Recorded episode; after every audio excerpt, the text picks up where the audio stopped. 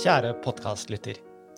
På torsdag skal vi publisere en ny episode av Dag og Tid-podkasten, der jeg snakker med Ane Tusvik Bonde, seniorrådgiver i en organisasjon som heter Human Rights House Foundation.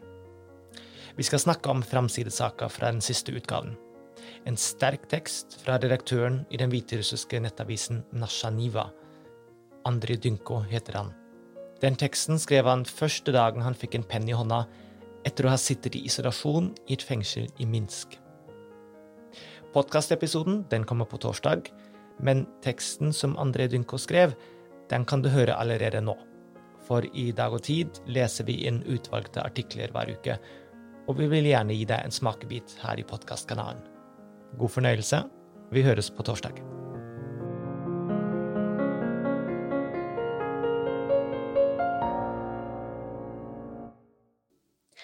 En kort tur til helvete. Redaktøren til den hviterussiske nettavisa Nasja Niva, Andrej Dynko, skrev denne teksten den første dagen han fikk en penn i handa etter å ha sittet i isolasjon i et fengsel i Minsk i Hviterussland i 13 dager, fra 8. til 21. juli i år. I løpet av det siste året er mer enn 36 000 hviterussere blitt arresterte av politiske motiv. Forfatteren av denne teksten, Andrej Dunko, har fremdeles ei straffesak hengende over seg. Kollegaene hans i Nasja Niva, Jegor Martinovic og Andrej Skurko, sitter fremdeles fengsla i Valadarka i Minsk. De fører meg gjennom en betongkorridor. Grått gulv, vegger som nettst er måla med glinsende blank, ekkel turkis farge. Mer kan jeg ikke se. De fører meg ikke, de snarere dreg meg bortover. Den venstre armen min er vridd utover og hovedet bøyd ned mot gulvet. Den høyre armen har jeg fått ordre om å holde bak ryggen, og den høyre neven har jeg klemt om en plastpose med et par ting i. Posen klasker mot baken min.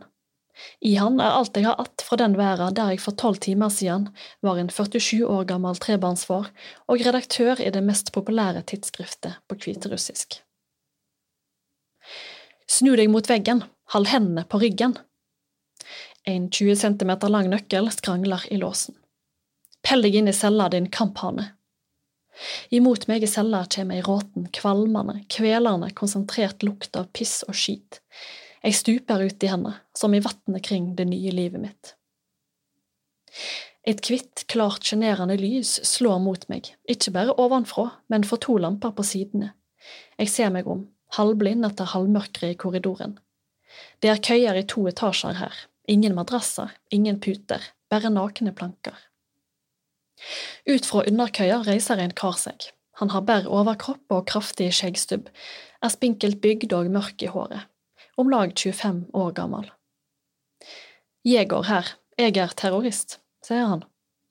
Han rekker meg handa og viser meg samstundes papirer fra arrestasjonen. Jeg har hell med meg, de har plassert meg sammen med en politisk fange, tenker jeg med meg sjøl. Det er ikke så mye papirer som sier meg dette. Jeg var forberedt på å havne i ei celle med en utplassert, eller en provokatør.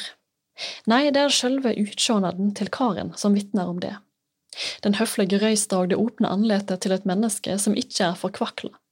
Han likner litt på skuespilleren Tom Cruise i rolla i Top Gun. Ja, jeg er redaktør i Nasja Niva, kjenner du til den publikasjonen? spør jeg. Nasha Niva, i alle dager, arresterer de slike folk òg nå? utbrøt han. Men hva dette, spør jeg, slår de ikke av lyset om natta? Jeger forklarer. De slår av jo de kriminelle, men om det er så mye som en eneste politisk fange i ei celle, slår de det aldri av. Han har fått vite dette av kriminelle medfanger. Ikke slå deg av lyset, og ikke gir deg disse fangene madrass og sengeklær. Hvordan vil det gå med meg, hva tror du? Han spør meg ut. Tror du jeg slipper ut, jeg har ikke gjort noe, jeg hadde bare meldt meg på en protestchat på Telegram. Etterforskeren sa du kan få inntil 20 år. Jeg forklarer han hvordan jeg oppfatter logikken i dette systemet.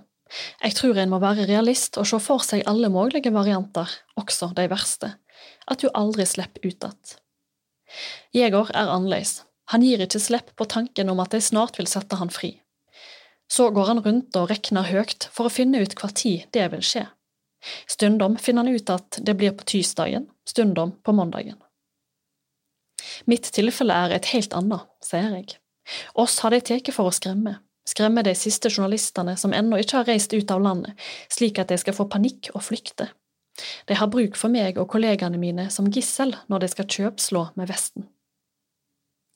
Fedrelandshymna toner ut, det innebærer at dagen er til ende. Vi ligger og vrir oss på de nakne plankene og prøver å få sove. Han får det til, det gjør ikke jeg. Jeg snur meg mot venstre og mot høyre, kanskje i to timer. Det er uvant med plankene, de borer seg inn i ribbeina. Datamaskinen i hjernen min vrir og vrenger på det som har skjedd, både denne dagen og i løpet av hele det siste året. Maskerte menn som kommer springende mot huset mitt, fingrene mine skjelver. De treffer ikke rett på tastene når jeg prøver å skrive en melding til kollegaene mine. Jeg rekker det ikke. Nå står disse maskerte folka alt i døra mi. Hva kunne jeg ha gjort annerledes? Hva kunne jeg ha sagt på en annen måte?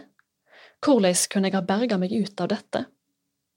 Hvorfor reiste jeg ikke ut, min idiot, hvorfor holdt jeg fram med journalistikk i dette landet der det blir stadig mer umulig å drive med journalistikk?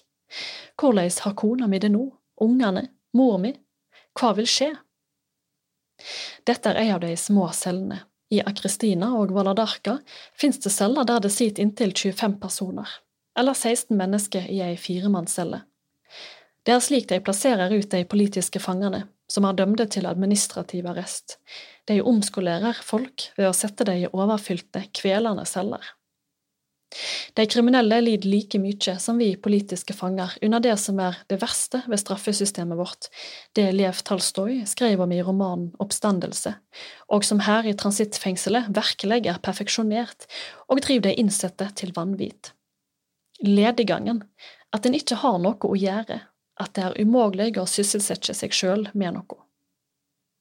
I cellene der det sitter politiske fanger, er det forbudt å ha aviser og bøker, og jamvel om det bryter med reglene, nekter de også å ha penn og blyant. Min største skatt er to brukte fyrstikker som jeg fant i en sprekk i veggen. Med de skrev jeg på baksida av etterforskningsrapporten jeg fikk, et kort brev til nobelprisvinneren Svetlana Aleksejevitsj, som jeg skal klare å få sendt ut i det fri.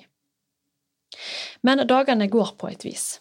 De andre i cella stiller spørsmål, og jeg forteller. Det hele vokser til å bli forelesninger om europeisk historie. Dette er noe som gir livet mening her, det frir oss fra kjensla av å ha stivna helt, slik vi er når vi aldri får sove ut. I dette fengselet blir det ikke løfta en finger for at et menneske her skal begynne å endre seg, utvikle det beste i seg, se en utvei. Nei, her finnes bare én metode, og lage til omstendigheter som er så utålelige at en blir livredd for å havne her om igjen. Men det har ikke noen virknad. Hviterussland ligger på førsteplass i Europa når det gjelder hvor mange som sitter fengsla i forhold til folketallet. Det er visst det eneste området der landet har ledinga. Om du er politisk fange, endrer livet seg her til å bli en kamp døgere rundt for ikke å bli til et dyr. Jeg har lært en life hack av de kriminelle. En kan sove med ei plastflaske med vann under hodet. Det er best å ikke fylle flaska helt, da blir hun mjuk, og hun skjer seg ikke inn i hodet. Folka i systemet kan stundom vise glimt av medynk, men med de instruksene systemet har, skal det være slik at et menneske kjenner seg som et dyr uten retter. Han skal bare drømme om én ting, få tak i en ekstra bit brød, få sjansen til å legge seg nedpå litt, for i ei straffecelle får en ikke engang det. Det umenneskelige systemet har påvirknad gjennom småting. I ei celle verker ikke skyljefunksjonen i toalettet, det vil si hullet i gulvet med det vesle søkket framfor. Og det eneste du har å hjelpe deg med, er flaska med vann som du drikker av og har under hovedet. Denne kan du skylle ned etter deg med. Det finnes også celler med 15–20 fanger der doen er i bøtte. Jeg vet om ei kvinnelig, fersk og særs dyktig student som satt inne i 15 døger, av de hun hadde kommet med ei uforsiktig utsegn på eksamensfesten sin. Hun klarte ikke å overvinne skamma ved å sette seg på bøtta så alle så det, så da hun kom ut av fengselet, hadde hun full forstopping.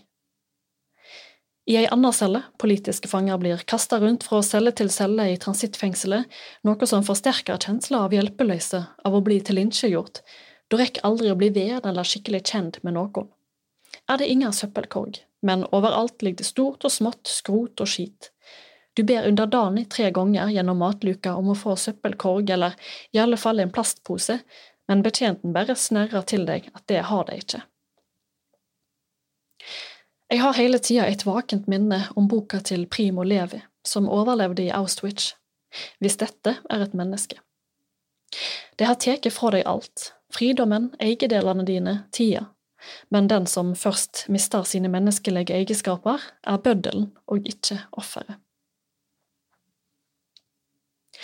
I ei celle med mye folk er det alltid en som sitter skrubbsulten og har starta på frokosten, og en meter unna sitter en annen på do og gjør fra seg for å gi plass til den porsjonen bokkveitegrøt og fuktig fengselsbrød han har fått.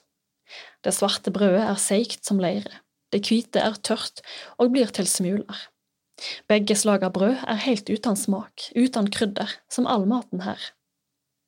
En gang iblant får vi en kvart tomat, noen dager senere en halv sylteagurk, en sjelden gang ei skje syrna kål. Det går bare noen dager før vi fysisk hungrer etter vitaminer, men det finnes det ikke. En drømmer om eple. Jeg drømmer om at jeg er på vitting hos bestemor, og hun gir meg et fat med røde katinkaepler.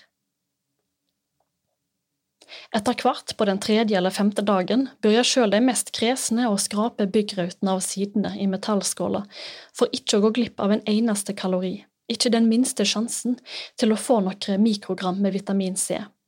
Her gjelder det å overleve. Overleve og fremdeles være menneske. Så er mennesket strengt til seg sjøl. Brødet legger du på kanten av skåla så det ikke skal komme borti bordet. I nabocellene sitter kvinner som politiske fanger, under samme høve som vi. En gang hører jeg latteren dere. Hva kan fått deg til å le? Kvinnelatteren får dopaminer til å fosse fram i oss, det er som en vind av normalitet fra de levende i vær. Når cellekameraten min har det som verst med uroa si, vi politiske fanger er igjen blitt alene, vaneforbrytere er sendt til et vanlig fengsel, finner jeg fram og har i havregrøten de siste ti grammer med sjokolade. Fem gram til hver av oss, og grøten smaker med ett som et fyrverkeri. Hver skje av denne blandinga har en snev i seg av heime, fortida, lykka Cellekameraten denne dagen er enda en som er mistenkt for terrorisme. Det sitter en slik i hver eneste celle her. De blir ikke plassert sammen. Han her er lærer ved Hviterusslands nasjonale tekniske universitet. Hele terrorismen deres ligger i at de har abonnert på en protestchat, trolig den av disse chattene som tryggingstjenester sjøl har laga. Men hva er det som venter meg?